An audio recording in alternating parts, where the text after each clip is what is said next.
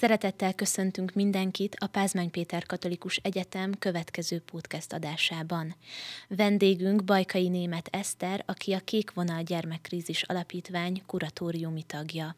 Többek között az alapítványról, a segítségnyújtásról és az ünnepekről kérdezzük. Hogyan kapcsolódsz a pázmányhoz?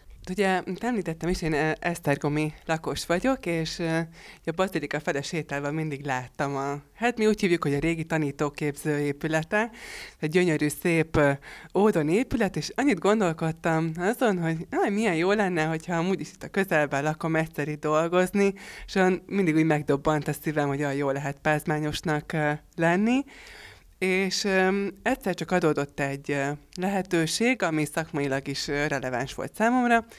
Megpályáztam, és nagyon örültem neki, amikor meg is kaptam ezt a lehetőséget, mert nagyon jól érzem magam, és tényleg valójában ez a pázmányos életérzés, ez nem csak ugye a budapesti épületünkben, hanem tulajdonképpen mindenhol így eluralkodik, és egy nagyon jó dolog.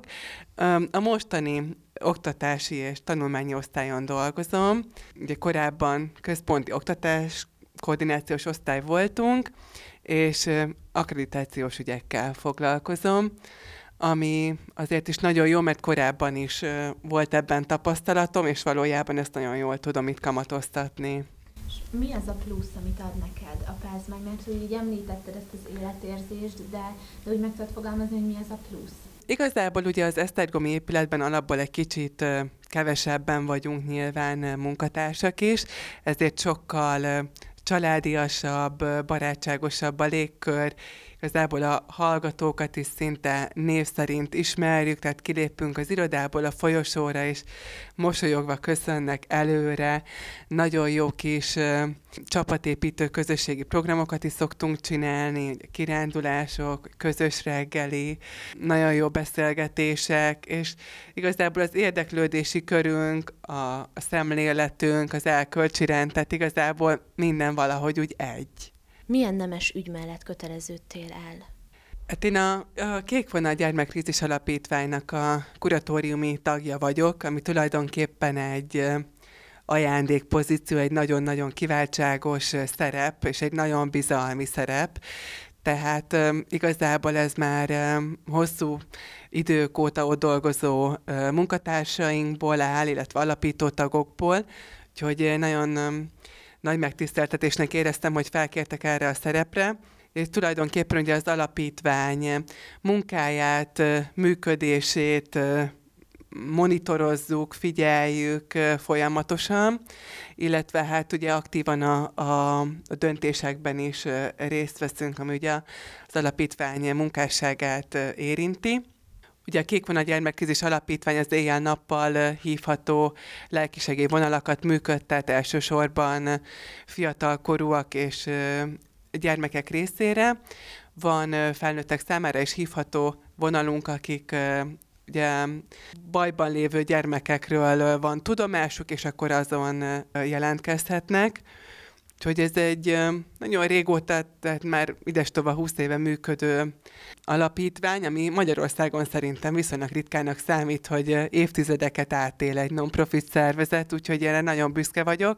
Igen, ennek a munkásságában veszek részt. Számodra ez miért fontos? Gyermekeket mindig is nagyon-nagyon szerettem, és szerintem az a korosztály, akik mindenképpen egy kicsit ez a támogatásra, segítségre szorulnak igazából ugye a felnőttek, nevelik őket, támogatják őket mindenben, és én a mesterszakos szakdolgozatomat is gyermekjogi témában írtam, ez egy kicsit más volt ugyan inkább gyermekmunka Európában, de akkor ugye a gyermekjogi konvencióval megismerkedtem, és akkor világosodott meg bennem, hogy igazából milyen alapvető jogokat, milyen nehézségek árán, vagy igazából egyáltalán nem is tudnak a gyermekek érvényesíteni.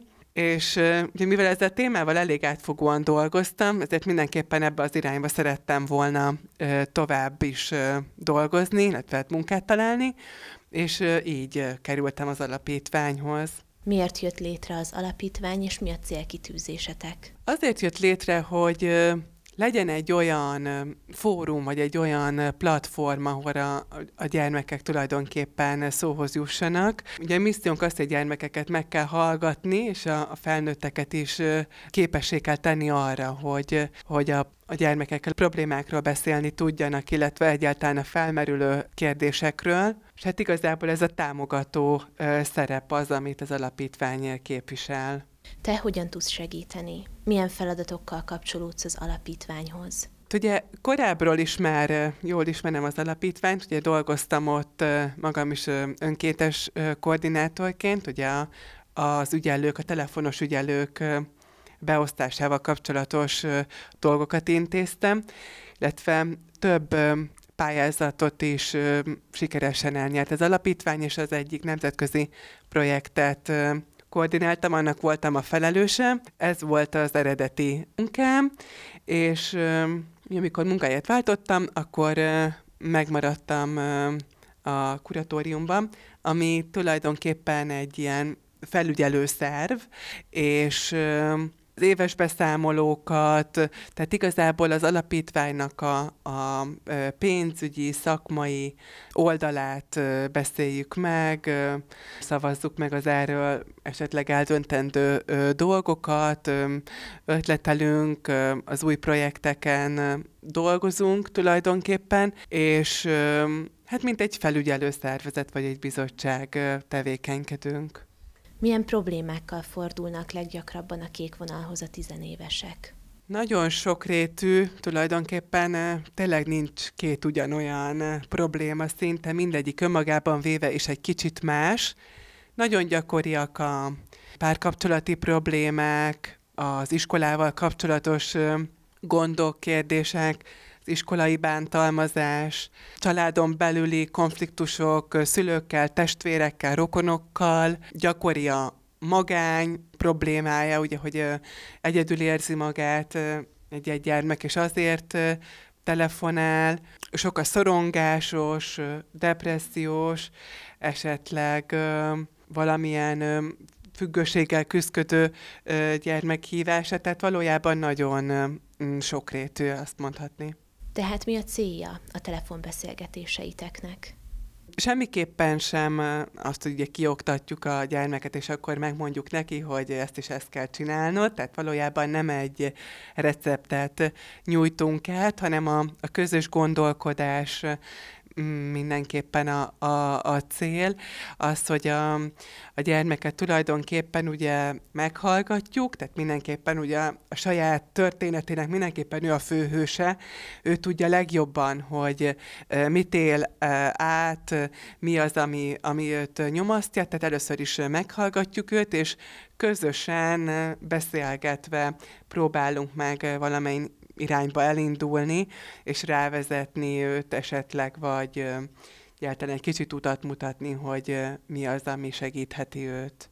A kék vonal felnőtteknek is nyújt segítséget?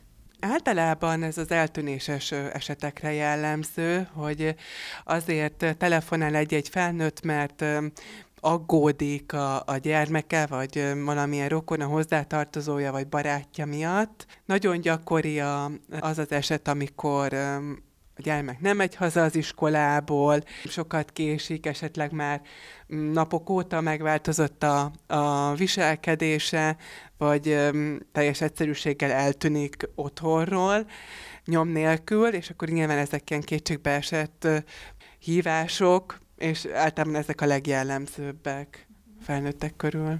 Számotokra ez lelkileg mennyire megterhelő? Hogyan tudtok elvonatkoztatni?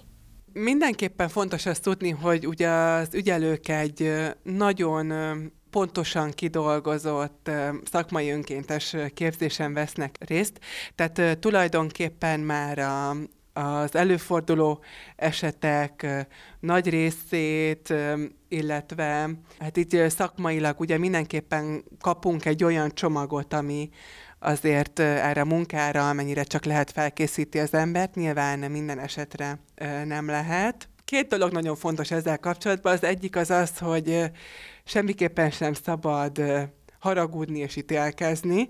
Ugye sokszor az ember úgy van vele, hogy végighallgat egy-egy történetet egy kisgyermek szájából, és akkor nagyon haragossá, illetve hát előítéletessé válhat.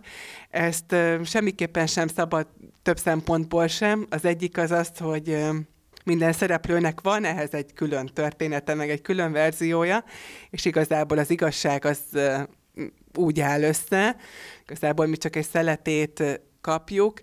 A másik meg talán az, hogy nem szabad ezeket a segítségeket úgy feldolgoznunk, hogy most elöntöttek minket problémával, és akkor egy jó nagy batyut kaptunk a hátunkra, hogy Nesze akkor most cipelte, és akkor ő most megkönnyebbült, hanem igazából az kell mindig, hogy a szemünk előtt lebegjen, hogy valójában segítünk, és ettől könnyebb lesz, megpróbálunk megoldást találni. Tehát mindenképpen a pozitív gondolkodás és szemlélet az, ami, ami nagyon sokat segít szerintem. Azt gondolom, hogy bajban levő embereket nem szabad egyedül hagyni.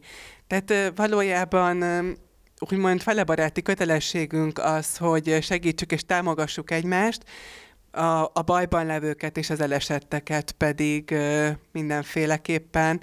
És azt gondolom, hogy aki aki segíthet, tehát ő segítő szerepbe van, annak hálásnak kell lennie, hogy nem ő az, aki segítségre szorul, hanem inkább segíthet és adhat pluszot magából.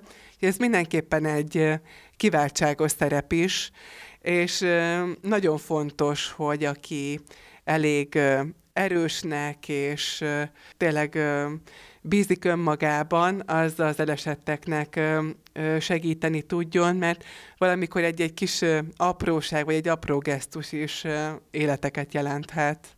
Így az ünnepek közelettével te hogyan készülsz? Szoktál adakozni?